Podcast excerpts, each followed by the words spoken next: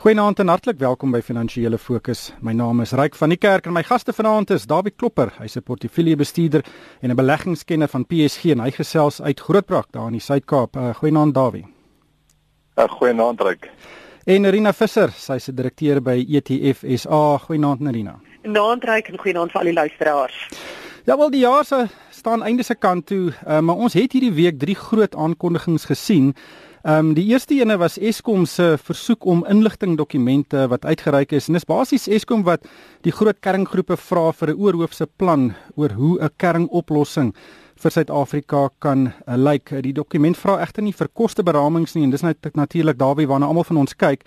Ehm um, Eskom het nie sy versoek om voorstelle dokument of die sogenaamde RFP uitgereik nie en dis natuurlik die groot dokument want daarso sal die kerngroepe hulle ehm um, koste struktuur ook moet uiteensit. Uh, wat maak jy van hierdie amper gejaagde proses van Eskom om hierdie uh, dokumente, die versoek om inligting dokument uit te reik? Ja, reg, laat my eens voel bietjie daar's 'n onnodige dringendheid nou. Ek weet ons het onlangs die regering se energieplan gekry en daarin is baie duidelik aangedui dat kernkrag nie nou 'n onmiddellike prioriteit is nie. So as jy dan nou hierdie goed hoor, dan maak dit jou 'n bietjie ongemaklik voel dat jy weet nie presies wat hier aangaan nie. Wat is daar is daar nie alweer 'n hidden agenda hier agter nie? Wat is die bedoeling hiervan en wie gaan weer hierby baat vind en dit is die goed wat mense nou maar altyd oor vra vra op hierdie oomblik as dinge dan nou lyk of dit ondeursigtig gedoen word. Ja Narina, ons het krag nodig en die oomblik as iemand die woord kernkrag gebruik dan dink mense aan korrupsie en mense dink aan te duur en iemand gaan naby baat vind soos Dawie sê.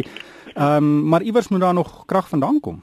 Absoluut, maar jy weet dit vir ek dink die groot leerstelling was die die feit dat ons so goeie vordering gemaak het in die volhoubare energiespasie oor die afgelope paar jaar. Um, en ek dink as mens dan nou kyk na hierdie nuus rondom die kernkrag dan is dit kom dit in die lig van ander alternatiewe bronne van energie wat wel beskikbaar is en ehm um, jy weet die, die vooruitskattinge wat gemaak word gebaseer op historiese kostestrukture van van volhoubare en hernubare energie is is eintlik so verkeerd want mense weet dat hoe meer ehm um, geld daarin belê word en hoe meer ehm um, dit dit amper half die die hoofbron van inligting word, hoe goedkoper sal hierdie volhoubare bronne van energie word. So ek dink dit is die kombinasie vir my van hierdie twee dinge wat eintlik die groot teleurstelling is oor waar ons osself bevind en en die feit dat 'n mens ehm um, soos jy heeltemal reg sê, mens kan nie anders as om 'n bietjie sinies hieroor te voel en in in te sê maar wat is wat is nou eintlik die storie agter die storie? Ja, ek dink dit gaan 'n groot tema wees van van 2017.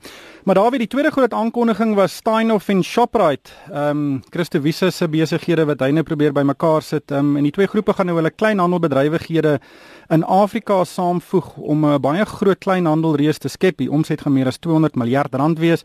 Die winste meer as 15 miljard rand. Meer as 18 handelsname gaan in daai groep wees. Ehm um, die groep se naam is nou Retail Africa. Dis nou nie die mees verbeeldingryke naam wat ek al gehoor het nie. Ehm um, Ehm um, en die mark het ook nie van hierdie aankondiging gehou nie. Albei pryse het het Woensdag na die aankondiging skerp geval. Wat maak jy van van hierdie transaksie? Miskien die rede dat die uh, pryse so skerp gedaal het is omdat daar onmiddellik nog wat eintlik baie min uh, spesifieke inligting bekend gemaak is. Ja, die hele intensie van die transaksie is bekend gemaak. Shoprite sal 'n belang kry in Steinhoff en dan sal Steinhoff um, of Shoprite sal Steinhoff se belange in in in Afrika en Suid-Afrika bekom en dan sal Steinhoff 'n uh, aandele belang in Shoprite kry. Dit is hoe die transaksie in breë trekke gaan werk. Daar's nie pryse ge, uh, geplaas op die uh, uitruil van die aandele en die waardes wat op die onderskeie besighede geplaas gaan word nie. Soos jy reg genoem het, dit is 'n groot besigheid wat dit staan kom 15 miljard rand se wins. Daar's die 18 handelsmerke wat ter sprake is. Die ander vraag wat mense tog miskien met moet vra is, hoe voel Steinhoff se internasionale aandeelhouers om nou weer 'n belang te kry in 'n groter besigheid wat groter belange in Afrika op sy beurt eh, op sy beurt gaan hou. Is dit miskien die rede hoekom daar 'n aanvanklike negatiewe reaksie in die mark was op hierdie aankondiging? Miskien is daar elemente daarvan in. Ehm um, maar die transaksie ehm um, is 'n groot, dit is interessant, dis laat in die jaar wat hy bekend gemaak word en ek dink ons gaan vroeg in die nuwe jaar seker dan die detail van hierdie transaksie begin kry. Marina, ons sit hier met twee meester transaksiemakers om nou 'n anglisisme te gebruik. Ehm um, Christo Wiese en en Marcus Jooste, uh veral Marcus het uh, hierdie jaar verskeie oornames gedoen en en daar was ook verskeie mislukte oornames.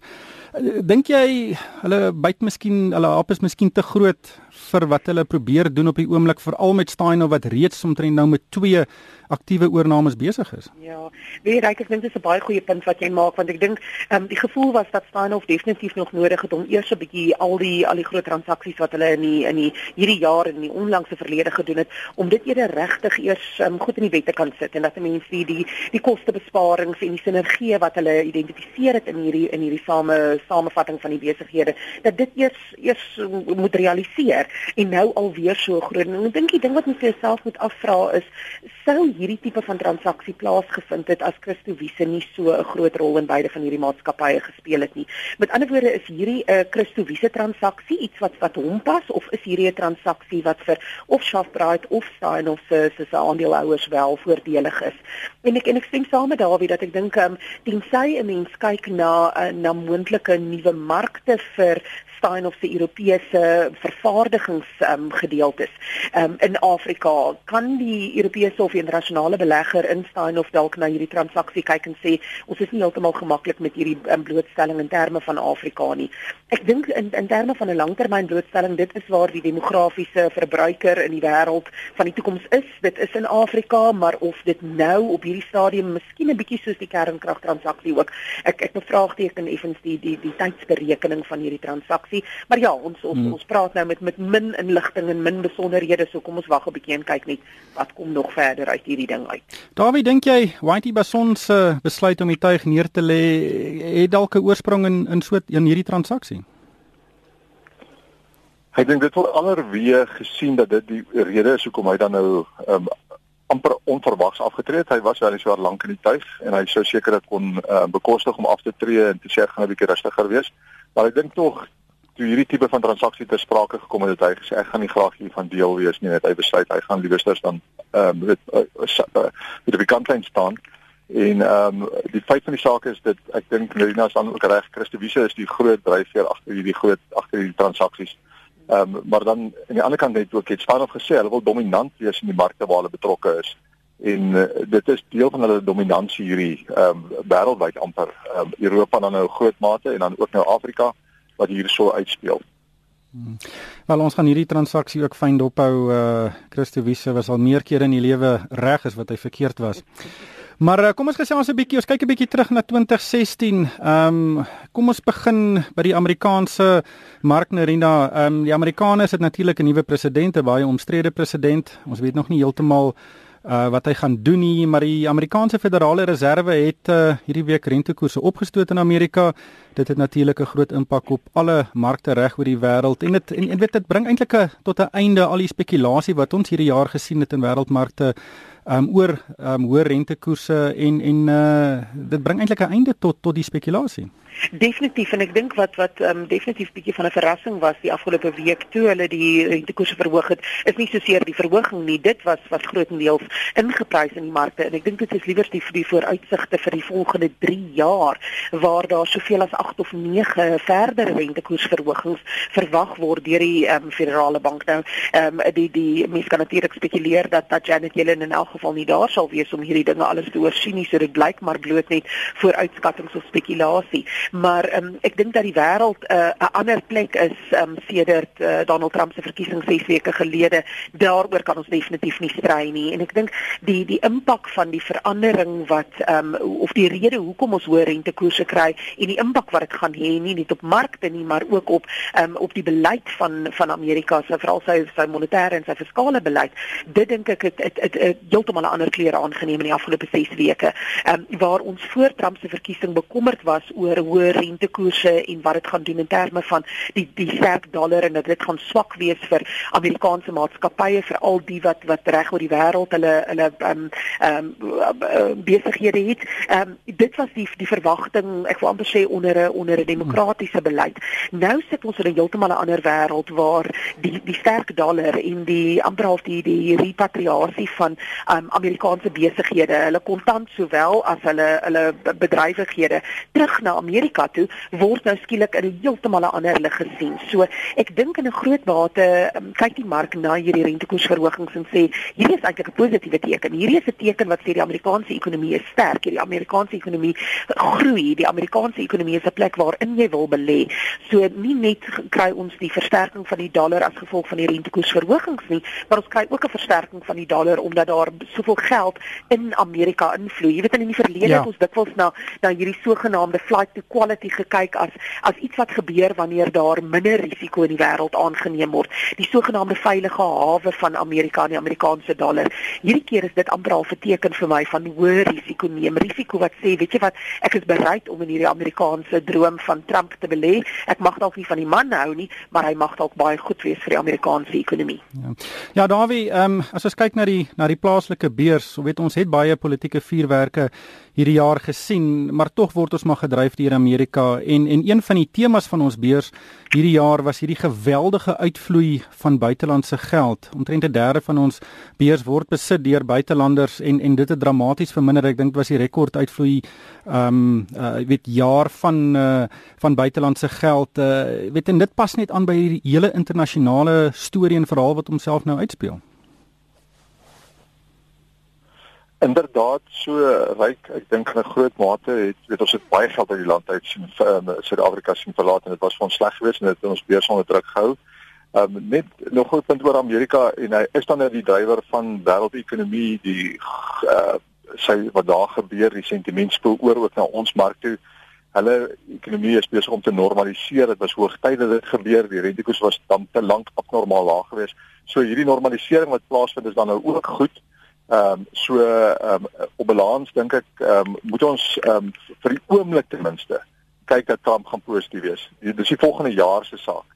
Ehm um, wat daarna gaan gebeur gaan ons moet op op op ons hoede raak. Uh, wat tot watter mate gaan hy uh, daartoe lei dat daar hoë inflasie in die wêreld aan, aan die ontstaan is en tot watter mate gaan dit lei daartoe dat sy proteksionistiese beleid oorspoel na die res van die wêreld toe en dat dit dan op sy eie dan ook daartoe gelei dat daar minder handel uiteindelik in die wêreld is en hy nie in die eerste jaar nie, maar jaar 2 en 3 en 4 van sy bewind kan dit begin om die ekonomiese vooruitsigte te benadeel.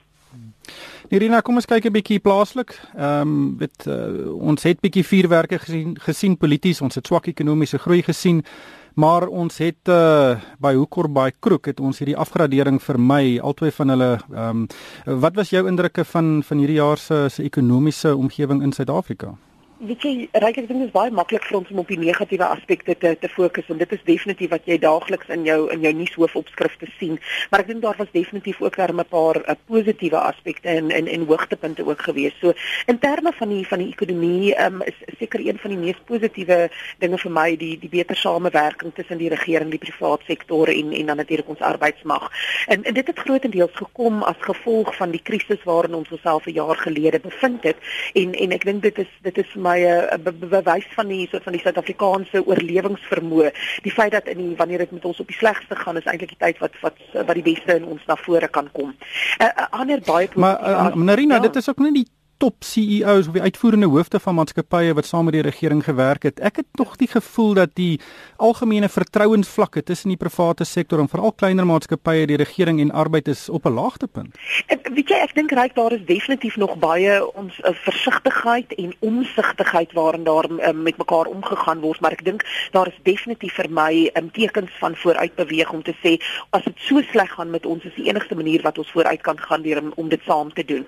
So ek ek weet nie of ek sal sê dat dit op 'n historiese laagtepunt is nie. Ek dink daar is vir my definitief tekens van 'n omswaai in in in hierdie verhoudings en 'n langer termyn visie om te sê, weet jy wat, die huidige politieke bestel, die huidige um, onsekerhede waarmee ons te doen het, gaan ook verbygaan en ons moet seker maak dat die manier waarop ons met mekaar saamwerk relevant is in die toekoms en dat daar nog steeds 'n land en 'n ekonomie is waar waarop ons kan kan voortbou.